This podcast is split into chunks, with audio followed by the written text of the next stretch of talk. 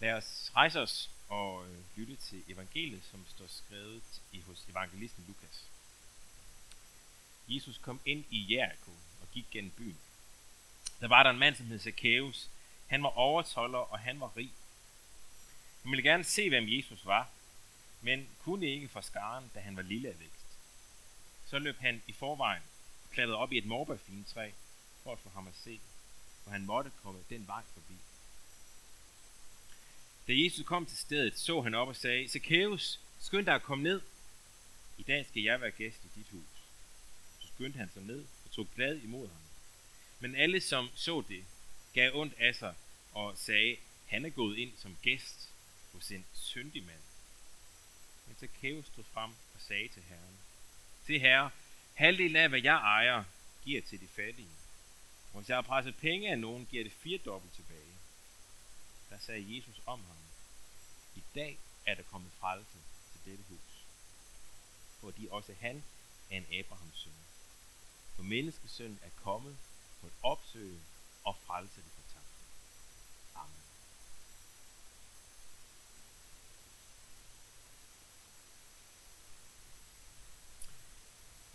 Jeg forestiller mig, at øh, Zacchaeus, mens han har været ved at klatre op i det her træ, har fundet et tidspunkt, hvor der ikke var så mange andre i nærheden. Så han ellers kom op i det træ, så sidde der og kiggede. Ikke kunne komme ned igen, før der ligesom var ro på i byen og stille nede på vejen ved siden af træet.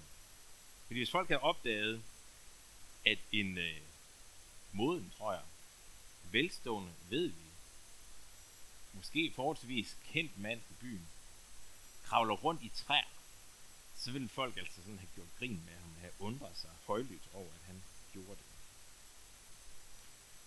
Så det vil sige, at der faktisk er en risiko forbundet med det, som øh, Zacchaeus han har gang i her, at han skal klatre op i det her træ. Men han må have vurderet, at det er prisen værd. Det han gør det i hvert fald. Og det tyder på, at, at han er bevidst om, hvem Jesus var på forhånd. Han har været nysgerrig på ham, ville vide mere om, hvem er det ham her, Jesus fra Nazareth er. Og samtidig vil han gerne være lidt på afstand. Så han er klatret op her i træet og har øh, tilsidesat den, den værdighed, han måske ellers normalt øh, agerede med, når han gik rundt i byen. Man kan bruge udtrykket, at han er kravlet op i et træ, han ikke selv kan komme ned af. Det synes jeg egentlig er meget rammende. Både helt bogstaveligt. Fordi han sad jo deroppe i det her træ, og kunne ikke sådan lige komme ned umiddelbart, hvis ikke han skulle gøres til grin af folk i byen. Men også i andre aspekter af livet, der sad han også oppe i et træ. Et træ, han ikke selv kunne komme ned af. Så Zacchaeus han havde truffet nogle valg, som gjorde, at han ikke var særlig velset af de andre jøder i byen. Først og fremmest så var han overtolder. Det betyder, at han har øh, frivilligt meldt sig til et job hos besættelsesmagten. Han har simpelthen valgt at, øh, at være skatteopkræver for romerne. Hvad der fået ham til at gøre det, det ved vi ikke. Vi kan kun gætte på det. Men han har helt sikkert ikke været populær. Og man kan jo overveje, jamen, hvad for et menneske til at gøre sådan, søge ind i et fællesskab, hvor man egentlig godt ved, der er nogen, der, synes, der, der vil synes, det ikke er særlig smart. Men trods alt så hører jeg sammen med nogle andre. Man kan overveje, har hans selvrespekt været lige så lav som hans højde? Fordi han bare søgte et sted at høre til. Ved at vælge at blive en del af romernes skatteopkrævningsgeschæft, så havde han altså også valgt at stille sig uden for fællesskabet med de andre jøder. Så socialt set er han altså havnet i et træ, han ikke bare lige selv kan formidle. Det gælder også åndeligt. Også her var han i et uoverskueligt højt træ. For hvem var det egentlig, der var blevet hans Gud? Var det ham selv? Han havde truffet nogle valg, og uanset hvad årsagen til de her valg de var, så er det været egoistiske valg, der sandsynligvis har sådan kroget ham mere og mere ind i sig selv. Det har været ham selv, det har handlet om, og det var ham selv, der ligesom nu stod med konsekvensen i de her valg. Man kan også spørge, om det var pengene, der var hans bud. dem havde han jo nok af, og sandsynligvis så var de kommet ved, at han havde krævet lidt ekstra ind hos øh, de andre beboere i Jericho, og dermed fået lidt til egen lomme. Rigdom har bare aldrig hjulpet noget menneske, når livet slutter. Så nogen god Gud er de ikke penge. Så der i træet sad Zacchaeus, altså den dag, både helt konkret, men også menneskeligt og åndeligt. Ingen af de valg, han havde truffet i livet, havde bragt ham glæde og håb. Ingen af de træer, han var kravlet op i, voksede ind i himlen. Intet af det Zacchaeus vælger at sætte sin lid til, kan frelse ham. Intet af det her fører ham til den Gud, der har skabt ham. Tværtimod, så er det sandsynligvis, har det sandsynligvis isoleret ham mere og mere i hans egen lille verden. Så Zacchaeus altså i høj grad fastlåst, fastlåst sin position, som han ikke selv kan komme ud af. Derfor er han afhængig af, at der er nogen, der kommer til ham og hjælper ham ned af alle de her træer, han sidder i. Og det gør Jesus. Jesus kommer til Zacchaeus og hjælper ham ned ved at vise ham, hvad noget er. Ved at vise Zacchaeus, hvad noget er, får han en udvej eller en nedstigning ned fra sine træer. Jesus hjælper ham og viser ham ære, viser ham agtelse og respekt ved i første omgang bare at henvende sig til ham. Men at lægge ekstra på at sige, må jeg komme hjem til dig og spise, så vi har fællesskab. Jesus han kender og gennemskuer Zacchaeus, allerede inden de har udviklet det eneste ord. Jesus ved, hvad der gemmer sig bag Zacchaeus' ydre, selvom han gemmer sig deroppe i træet. Zacchaeus han er trængt op i alle sine træer, og Jesus får ham ned ved at gøre det, som ingen andre kunne, og måske heller ikke ville gøre. Nemlig tilkende ham agtelse, vise ham respekt, møde ham der, hvor han er. Ved at henvende sig til ham, ved at spørge, om ikke han skal komme hjem og spise for ham. Og det forarver folk, at Jesus sætter sig og spiser sammen med en landsforræder, en pengemand, en religiøst set tvivlsom type. Men Jesus møder ham, der hvor han er, og anerkender ham som menneske. Besøget af Jesus, det forandrer Zacchaeus' liv. De træer, han er fastlåst de kommer han nu ned af. Og Jesus viser ham en anden vej til værdighed, til retfærdighed, nemlig at tage imod den nåde, Jesus rækker til ham. At tage imod det, Jesus giver ham. Og så er der ligesom et hul i teksten her. Fordi vi hører jo ikke, hvad det er for en samtale, de har der over frokosten. Det kunne være interessant. Men det er nok, fordi pointen er en anden for os. Pointen er, at vi skal se, hvad det er, Zacchaeus' møde med Jesus gør ved ham. Hvad er det, det forandrer i ham? Hvad er det, Jesus gør ved ham? Sætningen, menneskesønnen er kommet for at opsøge og frelse det fortabte, som Jesus slutter af med, den opsummerer ligesom, hvad der er på spil her. Gud kommer sin fortabte skabning i møde. Menneskesønnen er kommet. Han opsøger Zacchaeus og alle vi andre, som sidder i vores træer, i vores liv, og ikke kan komme ned af det, og ikke kan komme ned af det. Og han opsøger os for at frelse os. Han kommer til os. Jesus kunne godt have valgt at sidde på sin trone i himlen, og så vente på, at vi fandt frem til ham. Når vi så har gjort det, så kunne han sige til os, at vi skal gøre for at leve op til at blive frelst af ham. Det passer sådan set med, hvordan mange andre religioner fungerer. Det passer også med den standardindstilling, vi mennesker har, vores religiøse standardindstilling, som er, at vi skal gøre os fortjent til at opnå frelse. Men Jesus er anderledes. Det er ham, der kommer til os. Sådan er det i dåben, når vi modtager Jesus som en gave. Sådan er det i troen, for selv det at tro er noget, Jesus gør i stand til. Gør os i stand til. Sådan er det i livet i det hele taget. Jesus møder os der, hvor vi er tilværelsen. Og hvad er det så, mødet med Jesus gør ved os? Det, som det gør ved Zacchaeus, er, at han fra at være bundet af sig selv og i sig selv, bliver sat fri ved at lade sig binde af Jesus. Og ja, det lyder lidt dumt. At være fri ved at lade sig binde til Jesus. Men den er god nok. Ægte frihed er nemlig at være bundet til ægte sandhed. Mange af os er optaget af at finde sandhed, finde et fundament, finde noget, der er værd at bygge vores liv på og vores tro på. Giver os fast grund under fødderne. For nogen, der bliver det mere eller mindre bevidst penge og karriere, ligesom det gjorde for Zacchaeus. For andre af os, det bliver det vores fornuft, vores rationale. Vi tænker, det er det, der, det er det, vi skal sætte vores lid til. Hvad vi selv kan tænke os frem til af kloge og gode ting her i livet.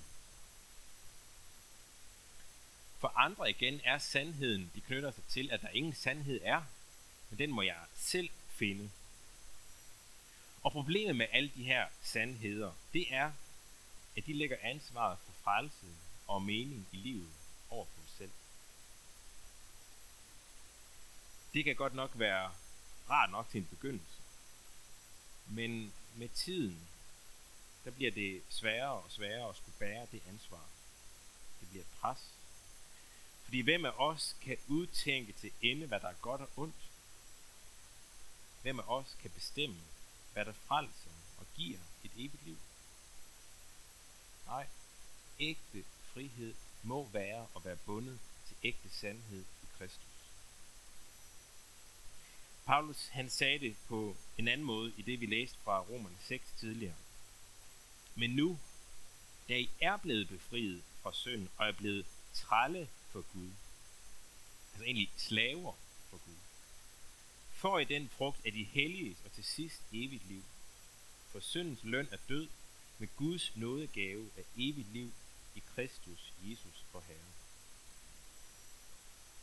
Med Jesus bliver vi befriet fra at binde os til det, eller trælle og trælle under det, som Paulus han kalder det, som i sidste ende efterlader ansvaret for frelse hos os selv.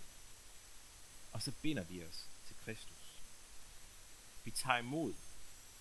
Tager imod, når han kommer til os, ligesom han kom til Zacchaeus tager imod, når han genopretter vores værdighed, som vi har mistet på vejen op i et af de træer, vi ikke selv kan komme ud af. Og hvad sker der så derfra? Altså, når jeg er kommet ned af mit træ, når jeg har taget imod Jesus. For Zacchaeus bliver det meget radikalt. Han deler overmod gavmild ud af sin formue, smider nærmest om sig med penge til folk i byen. Og der er sådan set ikke noget i vejen for, vi kan gøre det samme. Del ud af det, vi har, fordi vi har fået fat i noget større og noget bedre i Jesus. Det kan være, at det er penge. Det kan også være, at det er tid. Det kan være, at det er nærvær. Omsorg. Forbøn. Det vi kan give, som vi har fået givet af Jesus. Og pointen er netop, at i mødet med Jesus bliver vi forandret. Han bliver vores overskud. Det er ham, vi giver ud af, deler ud af, når vi for eksempel lever et gavmildt liv. Så hvor jeg måske før hjalp andre, fordi jeg håber at få noget godt igen, så hjælper jeg nu andre, fordi jeg har fået så meget givet selv.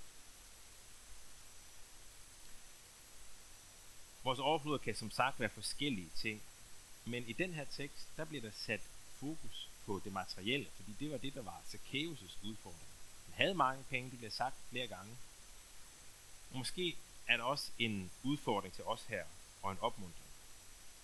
Der er tre ting, jeg har lyst til at fremhæve i forhold til det med penge.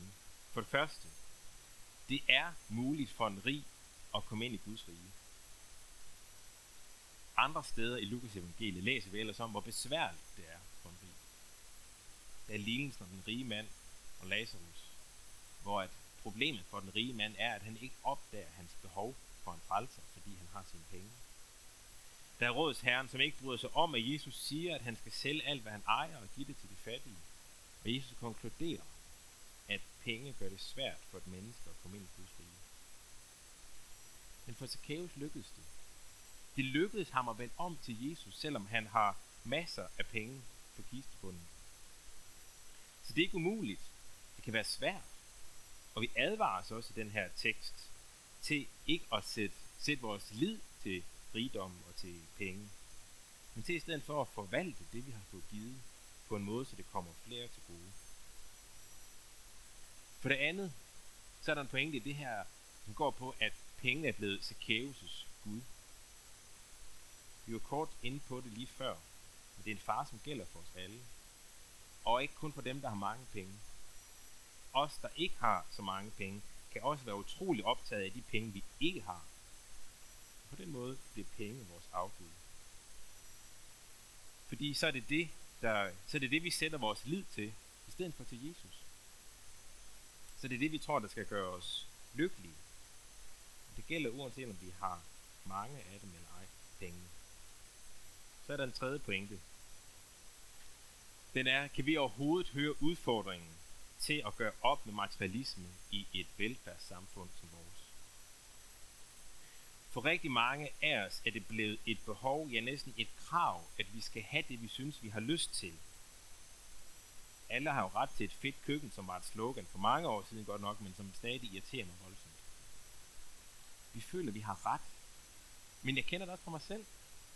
Jeg føler, at jeg har ret til at få en god ferie, eller ret til at have nogle ret lækre møbler, den stue, som er i mit hus. Vi kan føle, at det er et must, og noget, der vi simpelthen er nødt til at have, for at have det godt.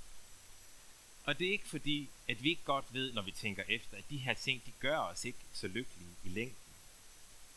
Men på en eller anden måde bliver det hurtigt sådan en standard. Det hører jo til. Det er da okay, det er da fair nok. Og jeg overhører advarslen om ikke at binde mig til det materielle og give det en værdi, som det ikke kan bære. For mig er Zacchaeus beretning i hvert fald udfordrer min tonedøvhed, som jeg tror hænger sammen med, at jeg er en del af et velstående samfund og har det så godt, som jeg har det. Jeg er blevet udfordret, øh, udfordret til at gøre op, eller ja, at gøre op med min, øh, med min tonedøvhed for penge, for materialismes magt, også i mit liv. Nu er det penge og materialisme, jeg har sagt noget om nu, fordi teksten siger noget om det. Det kan være andre ting, Jesus kommer til os og ændre på, når han møder os med sin nåde. Og det gør han ikke, fordi vi dermed skal vi blive mere værdige til at være i relation til ham. Han gør det, fordi hans nåde forandrer noget i os og ændrer vores syn på os selv og den verden, vi er en del af. Og til sidst, vi har alle sammen træer i vores liv, vi indimellem havner i. Træer, som ser ud til, at de kan vokse ind i himlen og bringe os til det gode liv. Men reelt fører de os bare på afvejen. Hvis vi kigger ned fra vores træ, så står Jesus også der. Kigger op på os, så rækker han hænderne op og hjælper os ned af det her træ, som vi er, har forvildet os op i møder os der i sin nåde. Tilkender os en værdighed, som vi ikke kan give os selv, men som vi skal have få givet udefra. Og han skaber en forandring i os, som er drevet af vores møde med ham, og ikke vores egne anstrengelser for at være gode nok. Fordi han møder os på den måde, svarer vi, lovet være faderen, som har skabt os, lovet være sønnen, som har frelst os, Lovet være Helligånden, han, som gør dette levende for os. Amen.